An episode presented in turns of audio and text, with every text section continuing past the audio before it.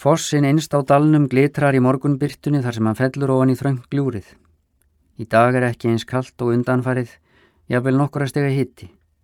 Ég er aftur með vatslítablokk og trönur, er að reyna að mála fossin og klettabeltin báðum megin við hann. Ég er hættur að búast við að sjá konur eða skóardísir og líti ekki andartak í kringum mig meðan ég mála. Það er orðið áliðið morguns, nálgast hádegi.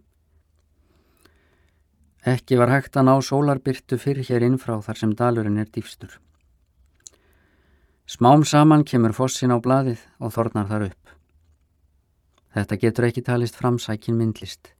Ekki veit ég af hverju ég mála svona núna. Ég ætlaði ekki einu sinna að selja þessar myndir eða sína, svo ég þarf ekki þess vegna að mála stillimyndir úr náttúrunni.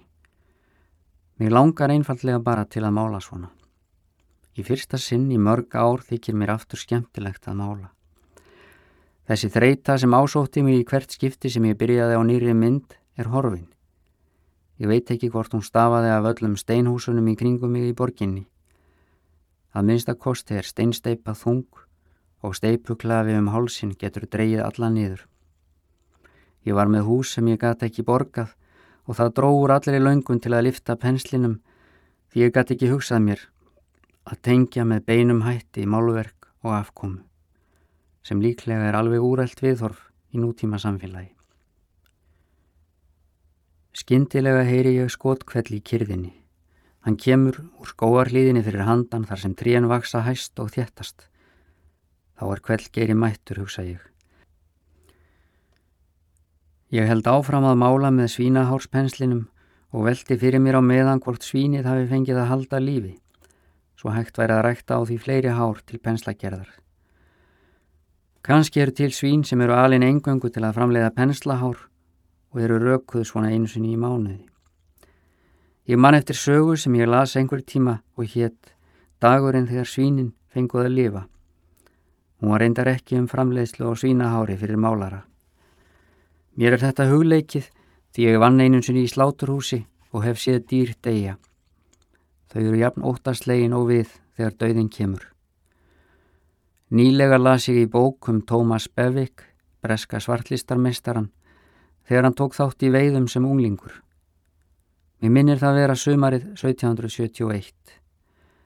Döðu skjeldur héri sem hafi verið króaður af stökk örvona upp í fangið á honum, eins og til að byggjast gríða. Dýrið skalv og veinaði upp við hann og veiðifélagi hans baðan að láta sig hafa hér hann, skildi þyrma honum. Bevik var alveg grandalös og rétti til hans skeppnuna.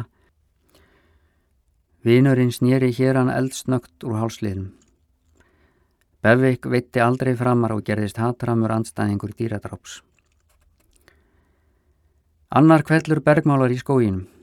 Það flögrar að mér að ég verði að láta skóarvörðin vita en nú vantar mig farsíma til að ringja í hann. Ef ég fyrir til hans á eftir þegar ég er hættur að mála eru veiðið þjóarnir laungu farnir og gagslítið að segja honum frá veru þeirra hér. Síðan ómar hver skott kvellurinn af öðrum og öll kyrð víkur endanlega fyrir innrás mannsins. Ég verðist að fara núna. Ég tek vaslitablokkin af ferðatrönunum. Myndin er ekki nema hálf köruð en ég reynir kannski að klára hana í hjólísinu eftir minni. Mér dettur í huga þannig hafi fantasían komið inn í myndlistina að menn hættu að nenna út úr vinnustofunni til að mála og fóruð að spinna þar upp hitt og annað í staðin. Þó veit ég að svo kenning stæðist ekki listsögulega skoðun. Ég held á trönunum undir annari hendi og blokkinni undir hinni, hef lagt fremsta blaðið varlega yfir myndina sem enn er hálf rauk. Ég geng efsta stíin í miðri hlýð klettafelsins þar sem ég teiknaði trénum dægin með blíjandi. Enn fleiri kvellir berast neðan úr skóginum þar sem hann er hvað þjættastur og ég finn til mikillar gremju að menn skuli ekki virða fríðhelgi þessa staðar. Þegar ég hef gengið með fram endilöngu fellinu innan um grannstofna lerkitrén hef ég ákveðið að tala við skóarvörðin eftir allt saman og svegi til vesturs í áttað húsinu hans. Hann er ekki heima núna heldur. Hundurinn hans er ekki á dyrapallinum. Í sterkri mótsögn við kvellina í skóginum er einkjænlega kyrði yfir húsinu eins og enginn hafi verið þar lengi. Ég lít inn um rúðuna í forstofunni Stík svo niður af verundinu og held ofan eftir auðmalarstíknum. Aspirnar eru löglausar báðumegin við hann. Þær ber við loft með sínar fálmandi greinar. Mér líður undarlega að ganga þarna með blokk undir öðrum handleg og trönur undir hinnum. Tilfinningin er einhvern veginn svo að ég sé vangstífður fuggl. Um leið er eins og öll hugsun sé vangstífð. Ég horfi bara framfyrir mig í hálgerðri leiðslu og göngunni, sé hjólísabygðina álengdar inn á milli grábrútna trjástofna. Mér finnst að hún komi mér ekkert við. Svo tek ég eftir að það er bíl alveg upp við hjólísin mín. Hún hefur verið ekki miklu lengra en ætlast er til hérna og lagt inni á sjálfu hjólísasvæðinu. Þetta er stór og svartur jeppi með dekkjum í yfirstærð. Ég finn hvernig frekjan reynlega ósar frá honum.